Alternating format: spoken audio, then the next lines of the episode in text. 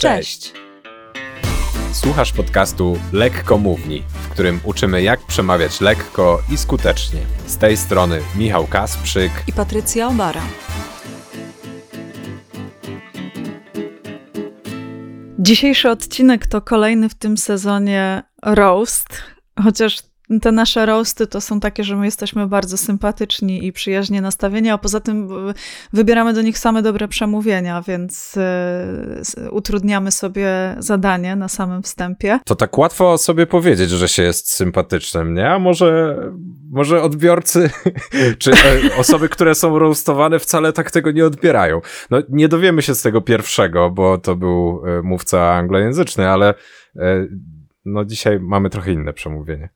Tak, dzisiaj mamy szansę dowiedzieć się, co też roastowana osoba pomyśli i poczuje na ten temat, ale dostaliśmy od tej osoby zielone światło, wręcz eksplicite. Powiedziała, że mamy ją, a właściwie go, zniszczyć.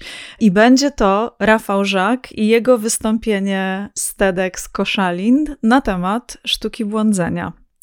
I mi się wydaje, że on trochę na nas zostawił pułapkę ten Rafał, wiesz, że, że to jest taka, tak, takie zagranie, e, z którego my nie możemy wyjść obronną ręką, bo wiesz, on całe wystąpienie ma o tym, jak to dobrze jest błądzić, jak to dobrze jest y, się mylić, jak to dobrze jest się wywalać, więc teraz cokolwiek mu wytkniemy, to w zasadzie gramy na jego bramkę. No tak, ja dzisiaj nawet o tym samym myślałem, że możemy wszystko mu wytknąć, a on później może powiedzieć, no tak miało być, zaplanowałem te błędy, albo no i dobrze. Nauczyłem się z nich czegoś. Tak, tak, albo właśnie, że e, no przez przypadek popełniłem, ale wyciągam wnioski, więc e, no, tak czy siak będzie to wartość dla naszych słuchaczy, bo e, wyciągniemy parę rzeczy takich, które Rafał może poprawić i parę takich, które bardzo fajnie zrobił.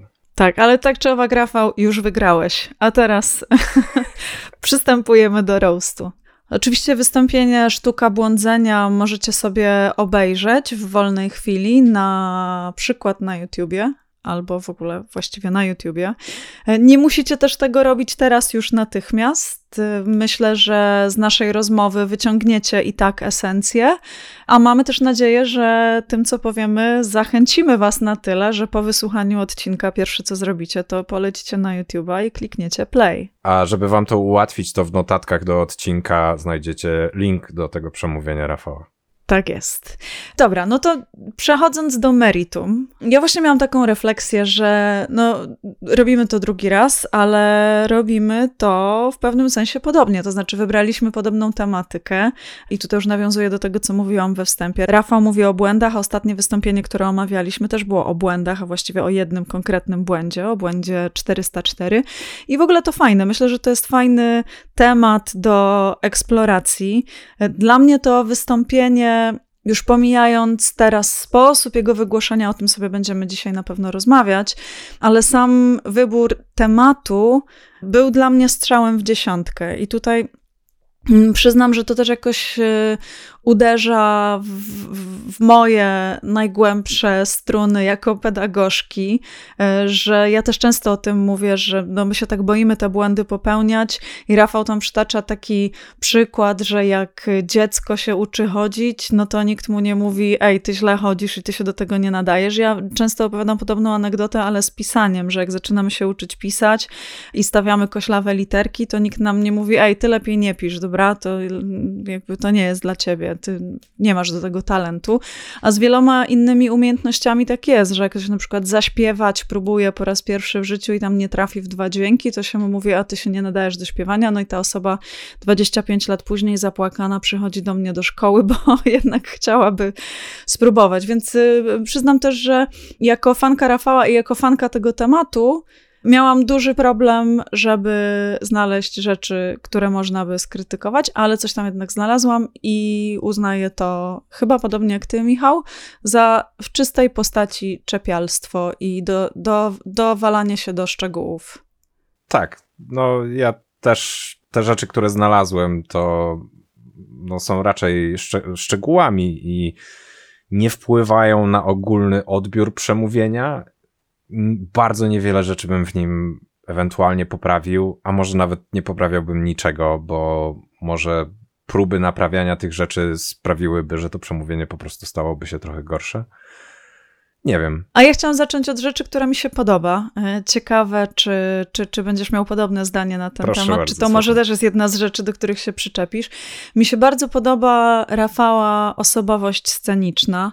E, on mi się na scenie bardzo kojarzy z Kanem Robinsonem, mhm. którego uważam za jednego z najlepszych mówców wszechczasów, bo akurat nie jestem wielką zwolenniczką robienia na scenie wielkiego teatru z wielkim gestem i z wielką modulacją głosu głosu. Ja lubię takie osobowości sceniczne, które są takie mm, no powiedziałabym nawet introwertyczne, nie? Że tam jest dużo humoru, dużo żartu, ale ten żart jest taki, nie taki na wynos, tylko taki, taki w punkt. Nie ma tam nadmiernego użycia gestu, nie ma tam nadmiernego użycia na przykład natężenia głosu, nie ma jakiegoś biegania po tej scenie. Ten Rafał jest taki statyczny, a przez to absolutnie przykuwa moją uwagę. To znaczy, ja 100% czasu jestem skupiona na nim, mimo że on tam tak naprawdę niewiele robi. Wiesz co, Patrycja, to miał być roast, a ty zaczynasz od tego, że porównujesz Rafała do Kena Robinsona, no. No mówiłam, że zacznę od czegoś dobrego. Ale nie aż tak wybitnego, no halo.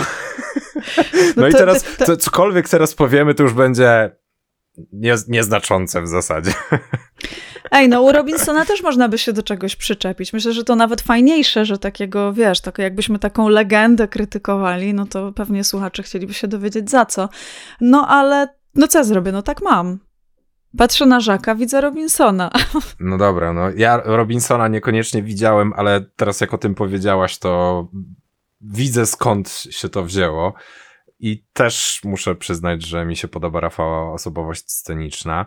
Ja natomiast wyciągnę jako pozytyw coś innego, mianowicie jego początek, to jak, to jak rozpoczyna w ogóle to przemówienie, bo mnie ten, to, to rozpoczęcie zaciekawiło. Rafał zaczyna od tego, że mówi o suflecie, o tym jak działa robienie sufletu, tak? Bo nie mówi jak się konkretnie robi, ale precyzuje, że jeżeli suflet zrobi się dobrze, no to on wychodzi taki super fajny, ale że nie wybacza absolutnie, że e, suflet, jeżeli zrobi się źle, to on na naszych oczach staje się porażką. Czyli on nam, on nam nie wybacza naszych pomyłek. Tak, dokładnie, dokładnie. Tak, ja otworzyła szkołę dla pedagogów i to, to miałabym motto nie bądź jak suflet, wybaczaj pomyłki. Albo nie bądź sufletem, byłoby śmieszniej. Albo nie bądź sufletem, tak. Więc ten suflet jest czymś, co zaciekawia zdecydowanie i potem człowiek się zastanawia, a dlaczego suflet? Hmm. I jeszcze Rafał mówi, że na koniec do tego sufletu wrócimy, więc e, fajnie tak to, to, jest fajne w ogóle, że zaznacza to, że suflet się jeszcze pojawi, bo ja wiem, czego później oczekiwać w takim razie i trochę wyczekuję tego, gdzie, kiedy ten suflet znowu wróci i w jakim kontekście. No po prostu mnie to ciekawi i wciąga jeszcze bardziej w przemówienie. Tak, te, te, też to miałam. I rzeczywiście jest to dosyć nieoczywisty sposób na otwarcie przemówienia. Mm, I to taki sposób, który my lubimy, nie? że mhm. zaczyna się od takiego porządnego kopnięcia, które pozornie wydaje się, że jest nie na temat, ale jak się dobrze przysłuchasz, to okazuje się, że wręcz mogłoby służyć za puentę, czyli otwarcie puentą. Tak, mhm. to zdecydowanie jest coś, co lubimy. No ale dobra, dosyć chwalenia. Yy, może byśmy się tak do czegoś przyczepili. No dobra. mm. Mhm. Hmm. Zastanawiam się, do czego najpierw. Znaczy, to jest tak. Nie jest to do końca coś, do, do czego ja się chcę przyczepić, bo chcę powiedzieć, że widać, a przynajmniej ja widzę, że Rafał na scenie się stresuje. Ale nie jest to coś, do czego ja chcę się przyczepić. Ja chcę tylko zaznaczyć, że to widzę i że to jest coś, nad czym można pracować. Ale nie uważam, że to jest coś złego, bo absolutnie nie wpłynęło na to, jak Rafał poprowadził całe przemówienie. A to, że widzę, że się stresuje, wynika z tego, że obserwuję też jego dłonie i w niektórych ujęciach kamery po prostu widać, że jego dłonie się trzęsą, że on tutaj gdzieś próbuje złapać swoją marynarkę i no, operuje tymi dłońmi właśnie w taki sposób, że no, da się zauważyć pewną nerwowość. Ale czy to, to, to nie jest absolutnie błąd? Rafał, ja się czepiam. No, naprawdę. ja, jakby chcę, próbuję coś wyciągnąć, tak? To, to, to była pierwsza rzecz, którą zauważyłem, którą ewentualnie można poprawić, ale poprawa tutaj oznacza większą swobodę na scenie. Ale jednocześnie, będąc empatyczną osobą, ja wiem, jaka to była sytuacja. Nawet dla kogoś takiego, kto bardzo często występuje na scenie, jak Rafał, to wystąpienie na TEDxie, na konferencji, na której trzeba podzielić się ideą wartą rozpowszechniania, trzeba powiedzieć coś mądrego do tłumu ludzi, który przed nami jest. O nie, coś mądrego. To, to jest trudna sprawa, więc ja w sumie to się nie dziwię. Ja zresztą też przed każdym wystąpieniem czuję objawy stresu i jakoś staram się nad nimi oczywiście panować i wiem, że Rafał pewnie też próbował. No teraz akurat nad tym jednym aspektem się nie udało. Ale znowu, nie wpłynęło to na jakość przemówienia. Ja to zauważyłam też, ale to rzeczywiście jest bardzo, bardzo subtelne do tego stopnia, że jakoś mi się skleja z tym wystąpieniem.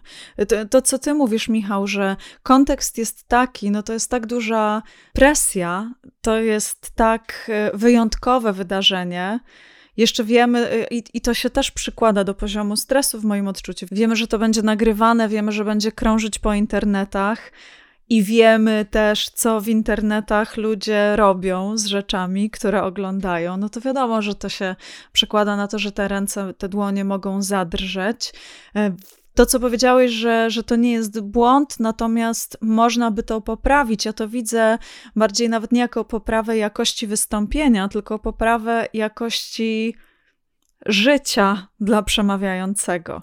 W sensie, że wykon wy wykonawszy dodatkową pracę nad tym mm, zarządzaniem stresem, można wchodzić na tą scenę spokojnie i z większą przyjemnością, jeszcze więcej dla siebie z tego fajnych rzeczy czerpać, więc y, zdecydowanie mm, wydaje mi się, że można by tam coś poszukać jeszcze, co można by dla siebie fajnego zrobić. W tym momencie chciałem przypomnieć, że dwa odcinki naszego 30-dniowego wyzwania są dokładnie o technikach walki ze stresem czy radzenia sobie ze stresem, więc e, polecamy wrócić tam.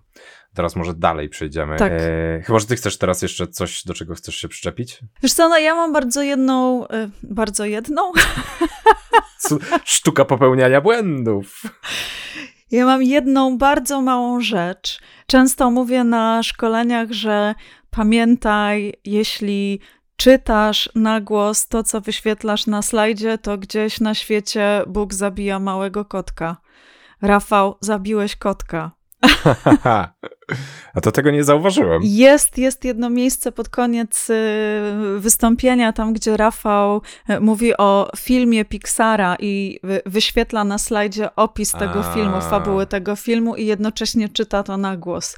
No to tutaj mi się zaświeciła czerwona lampka, ale to dlatego, że jestem miłośniczką kotów i po prostu zrobiło mi się żal mm. tego maluszka. Ach, no tak, no tak.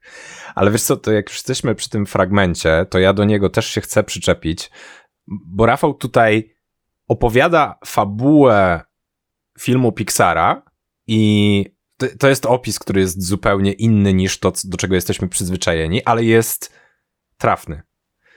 I wysnuwa z tego wniosek taki, że nie ma się co dziwić, że pierwsze wersje scenariuszy są inne od tych wersji ostatecznych. Natomiast w tym wypadku akurat opis, który on przytoczył, tyczy się wersji ostatecznej. Więc według mnie ten wniosek jest błędny. I tutaj przypomnę, że jeden z ostatnich odcinków dotyczył typów argumentacji. No właśnie, no to zły wniosek, tak? No tak, tak, rzeczywiście, chociaż przyznam ci, że mnie ta opowieść tak wciągnęła, że nie zauważyłam tego. To znaczy, nie wiem, czy mnie opowieść wciągnęła, czy w tym momencie akurat myślałam o tym biednym małym kotku. W każdym razie no, nie zauważyłam tego. Nie wciągnęła. Dobra, to czepiamy się, czepiamy, czepiamy, ale jest jeszcze coś może, za co chciałbyś Rafała, czy też to wystąpienie pochwalić, coś, co ci się podobało. Tak, tak, tak, tak, zdecydowanie. I mm, jednym z fajniejszych momentów było użycie historii uczenia się latania. Czyli mamy dwóch pilotów, pilot w, na początku XX wieku i pilot teraz, i użycie tej opowieści, żeby pokazać, że lotnictwo to jest coś, co przeszło drogę od ryzykownej technologii do najbezpieczniejszego środka transportu, i zwrócenie uwagi, że przecież moglibyśmy to wprowadzić też w biznesie. Takie niektóre reguły, które w lotnictwie są, że na przykład oni jasno mają określone, że jeżeli w ciągu 10 dni od jakiegoś incydentu zgłoszą ten incydent, powiedzą, co tam się konkretnie stało, to są zwolnieni z odpowiedzialności. I to, to jest super, bo to sprawia, że ludzie nie boją się tego, żeby przyznać się do swoich błędów.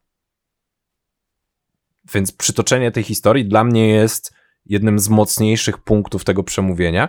Ja nie wiem, czy ja bym w ogóle tego nie użył jako nie w środku gdzieś tam, tylko e, zamiast sufletu na początku, to może te historie lotnictwa na początku i na koniec wnioski z tej historii, bo jest naprawdę dla mnie przynajmniej bardzo taka obrazowa i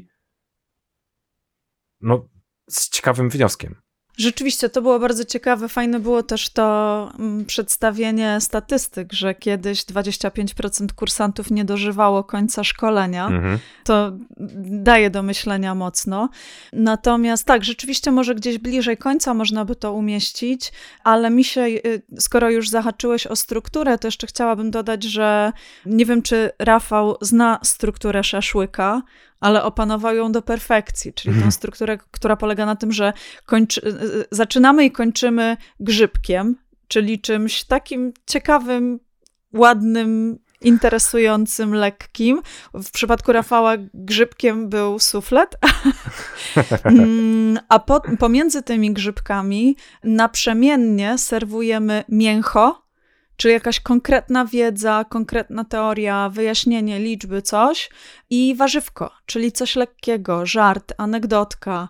I Rafał rzeczywiście przeplatał wręcz doskonale twarde rzeczy z miękkimi, czyli takie mięsiste, takie do strawienia, mhm. z jakimiś właśnie żartami, czymś, co, co pozwalało nam odpocząć. Dzięki temu też myślę, że to 20-ponadminutowe wystąpienie ogląda się lekko, że to nie jest tak, że no wiecie, no są czasy takie, że po czterech minutach to wszyscy już idziemy do drugiego pokoju robić coś innego, albo wirtualnego, albo rzeczywistego. Natomiast tutaj rzeczywiście dobrze się siedzi te 20 minut i słuchać całości, mhm. między innymi dlatego, że co chwilę jest jakiś żart albo jakaś anegdota, nawet jeżeli jest to anegdota zupełnie od czapy, i tylko lekko nawiązująca nawet nie do tematu, ale do jednego z wątków poruszonych gdzieś wokół tematu, to to jest ok, bo ta krótka anegdota sprawia, że można się uśmiechnąć, odetchnąć i mieć w sobie nową energię, znaleźć w sobie nową energię na dalsze słuchanie. Także tutaj duży plus za to. Mm -hmm. Mi się właśnie te warzywka bardzo podobały, bo tam między innymi żart z Bongowim, tak. przy, którym, przy którym ja przewidziałem, jaki to będzie żart, ale i tak się zaśmiałem w głos, jak go usłyszałem, więc był idealny. Albo sytuacje, w których Rafał reagował na to, co się działo, czyli to musiały mm. być rzeczy improwizowane, jak to, kiedy e, cmentarz Ben Jerry's dostał e, aplauz i Rafał tak. faktycznie skomentował to, że to jest pierwszy raz w historii Teda, kiedy cmentarz dostał aplauz i też się wtedy roześmiałem, więc to była świetna sprawa. I te rzeczy też mi się kojarzą scenicznie, właśnie te typy zachowań kojarzą mi się z Kenem Robinsonem, bo on też to miał, że tak. jak opowiadał żart, to, się, to, to ty się bardziej śmiejesz niż on. Mhm. Tak, tak, tak. To, czy, czy, czy, Rafał, czy Ken, obojętnie, oni mają coś takiego, że nie opowiadają ten żart i oni się tak trochę śmieją do siebie, ale ty się śmiejesz w głos. Mhm. I tak samo interakcja z publicznością, reagowanie, to też fajne, że, że, że to jest taka żywa interakcja, że jak publiczność się śmieje, to Rafał daje im na to czas, daje im czas na to, żeby ten śmiech wybrzmiał, czy te brawa, nie pędzi od razu dalej y, z tekstem wystąpienia. To też jest y, mocna strona jego jako mówcy. Mhm. Trochę się poczepialiśmy. Nie wiem, jakbym miał się jeszcze przyczepić, to dla mnie na przykład powiedzenie, że tam coś było takiego, że Buffon nic nie wie o strzelaniu karnych. To wiesz o co chodzi? Nie. no właśnie, no, no, właśnie. Chodzi, chodzi o e, tę historię o strzelaniu karnych i on tam powiedział właśnie Buffon. Buffon to jest bramkarz. Ale ja to wiem tylko dlatego, że kiedyś interesowałem się piłką nożną i to był akurat bramkarz, który wtedy jeszcze był popularny. Nie wiem, czy jest teraz, ale no nie mam pojęcia. Więc wydaje mi się, że to zbyt insiderskie, chociaż w kraju, w którym bardzo dużo ludzi ogląda piłkę nożną, no to jest jakoś tam okej. Okay. A poza tym to było tylko jedno słowo, które, no znowu, znowu się czepiam po prostu. To był ten moment, kiedy byłam w innym pokoju. Może. Jedyne. Ale ja w tym pokoju innym czegoś szukałam, bo to był e, pokój taki wirtualny, a czego szukałam, to dowiecie się na samym końcu tego odcinka. Aha, taki teaser tutaj widzę. Prawie tak. jak cliffhanger, tylko że nie na koniec, tylko w połowie, no nie w połowie, ale, ale w trakcie odcinka. Tak, w pierwszym zakończeniu, bo tych zakończeń mamy kilka. Tak, to, ale przechodząc do tego zakończenia półwłaściwego, to wypada chyba podsumować, czego się nauczyliśmy z tego odcinka. Ja powiem tak. Mi się, jak, jak oglądałam ten odcinek, o matko, to to zabrzmi, bardzo źle to zabrzmi. To mi się potwierdziło to, co ja zawsze uważałam. Okej. Okay.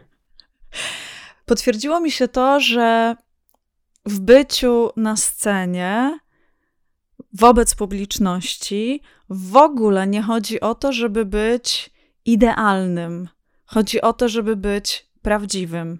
Ohoho. I tutaj Rafał dla mnie ma 100 na 100 i wiesz, no nawet jak ty teraz wytykałeś jakieś błędy i ja słuchając ciebie miałam takie, no tak, rzeczywiście, ale kurczę, nie zwróciłam na to uwagi, nie? Że w sensie, że ta jego prawdziwość mhm. sceniczna na tyle mnie pociąga, że przymykam oko na wiele rzeczy, które być może w sali szkoleniowej bym zauważyła i sugerowałabym poprawę ich. Ja zauważyłem te rzeczy tylko dlatego, że przygotowywaliśmy się do roastu. Rafał chciał, żeby go zniszczyć i chciałem bardzo coś znaleźć, ale no to są naprawdę takie drobnostki, które nie mają znaczenia. Jakbym był na sali TEDxa Koszalin i słuchał go na żywo, na bank bym tego nie zauważył, nie zwrócił na to uwagi i bawiłbym się świetnie, śmiałbym się do rozpuku razem z publicznością w trakcie, kiedy on sypał żartami i no, szapoba, naprawdę.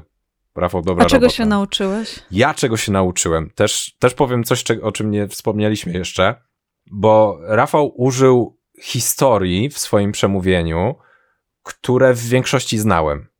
Czyli te rzeczy na przykład dotyczące Pixara, tę statystykę odnośnie strzelania rzutów karnych. Ja o tym wszystkim wiedziałem i to mi trochę uzmysławia dwie rzeczy. Po pierwsze, że mam bardzo dużą klątwę wiedzy, bo ja mam problem, żeby dzielić się tymi wszystkimi historiami, bo wydają mi się takie oczywiste, że na przykład mhm. są, nie wiem, z książki e, jakiejś konkretnej i wydaje mi się, że ta książka jest taka super, że wszyscy ją przeczytali i bez sensu, żebym ja teraz z tego przykładu korzystał, bo no będę mówił coś, co jest oczywiste. Ale tak nie jest, bo ludzie nie są w stanie czytać wszystkich książek, nawet jeżeli są świetne. E, więc to jest jedna rzecz. A druga rzecz jest taka, że można nawet zebrać bardzo popularne historie, które wszyscy znają i sztuką jest wyciągnąć z tego nowe wnioski albo zebrać takie przykłady, z których można wyciągnąć właśnie jakiś wniosek, który jeszcze nie został wyciągnięty właśnie z tych z tego zbioru. Mhm. I to jest bardzo fajne. To, to daje bardzo duży potencjał do tego, żeby w ogóle i opowiadać historie i tworzyć przemówienia i wszelkiego rodzaju inny content. Zgadzam się. Też, też miałam taką refleksję, że kurczę, no znam te historie, tak samo jak mówisz, to, też tą z IBM-em, no wielu z mhm. nich nawet sama jakoś używam w różnych kontekstach, ale sposób, w jaki Rafał je zestawił, pokazał je w innym świetle i, i pozwolił wyciągnąć z nich nowe wnioski, więc to fajne i myślę, że to też takie jakby to powiedzieć, że to trochę zmienia moje podejście do tego, co to jest idea warta rozpowszechniania. Że do tej pory miałam raczej w sobie takie przekonanie, że chodzi o to, żeby to było coś w stu procentach autorskiego, twórczego, wiesz, wysiedzianego w laboratorium. Natomiast tu okazuje się, że twoje indywidualne spojrzenie na pewne rzeczy i właśnie kierunek, w jaki prowadzisz wnioski z nich, e, też może być tą nowatorską ideą. I to w sumie takie bardzo pedagogiczne podejście. Podobało mi się to też. Jak najbardziej. Tylko trzeba zaznaczyć, że to też nie jest łatwe. To się wydaje proste. Mm -mm. Znaczy, to jest proste, ale nie jest łatwe. Zdecydowanie trzeba przekopać się przez multum różnego rodzaju historii, case'ów i mocno się zmurzyć nad nimi wszystkimi, żeby wyciągnąć jakieś konkretne wnioski. To prawda, zdecydowanie. No to co, to jeszcze ćwiczenie dla naszych słuchaczy. A jakże? A jakże?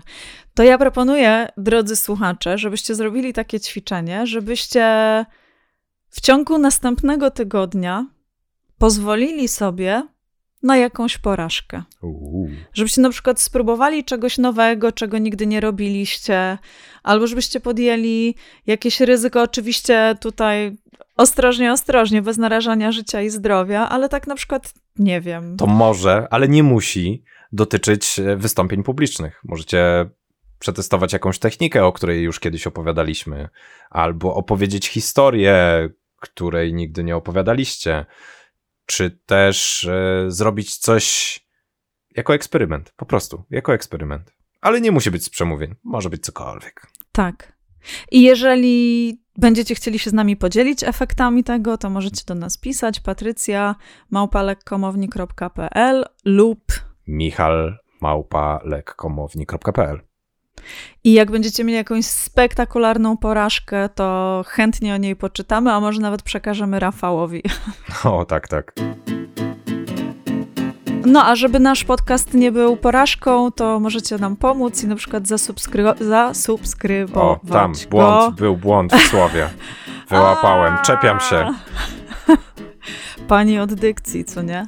No e, możecie go zasubskrybować. To jest bardzo trudne słowo. E, w Spotify albo Apple Podcasts, albo gdzie lubicie słuchać podcastów, wszędzie będzie dobrze. Możecie też nam na przykład, gdybyście chcieli podziękować za wiedzę, którą się dzielimy, to możecie wejść na stronę lekkomowni.pl, kośnik dziękuję i tam różne znajdziecie sposoby.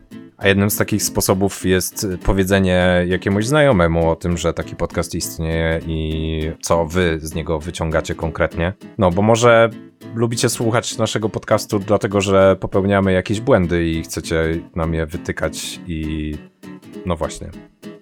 Jeżeli tak jest, to proszę bardzo, polećcie go właśnie dlatego. Nie ma problemu. I do usłyszenia w następnym odcinku. Do usłyszenia. No dobra, to jeszcze powiem, czego szukałam w tym drugim pokoju wirtualnym. Aha. Szukałam sztuki błądzenia, bo sztuka błądzenia to nie tylko wystąpienie Rafała, ale również jego książka. Więc jeżeli chcielibyście dowiedzieć się więcej o tym, jak błądzić i jak się mylić i jak uczynić z tego wartość, to możecie wejść na stronę sklep.rafalzak.com i tam znajdziecie właśnie tę książkę między innymi. Ja po prostu polecam. Polecam też.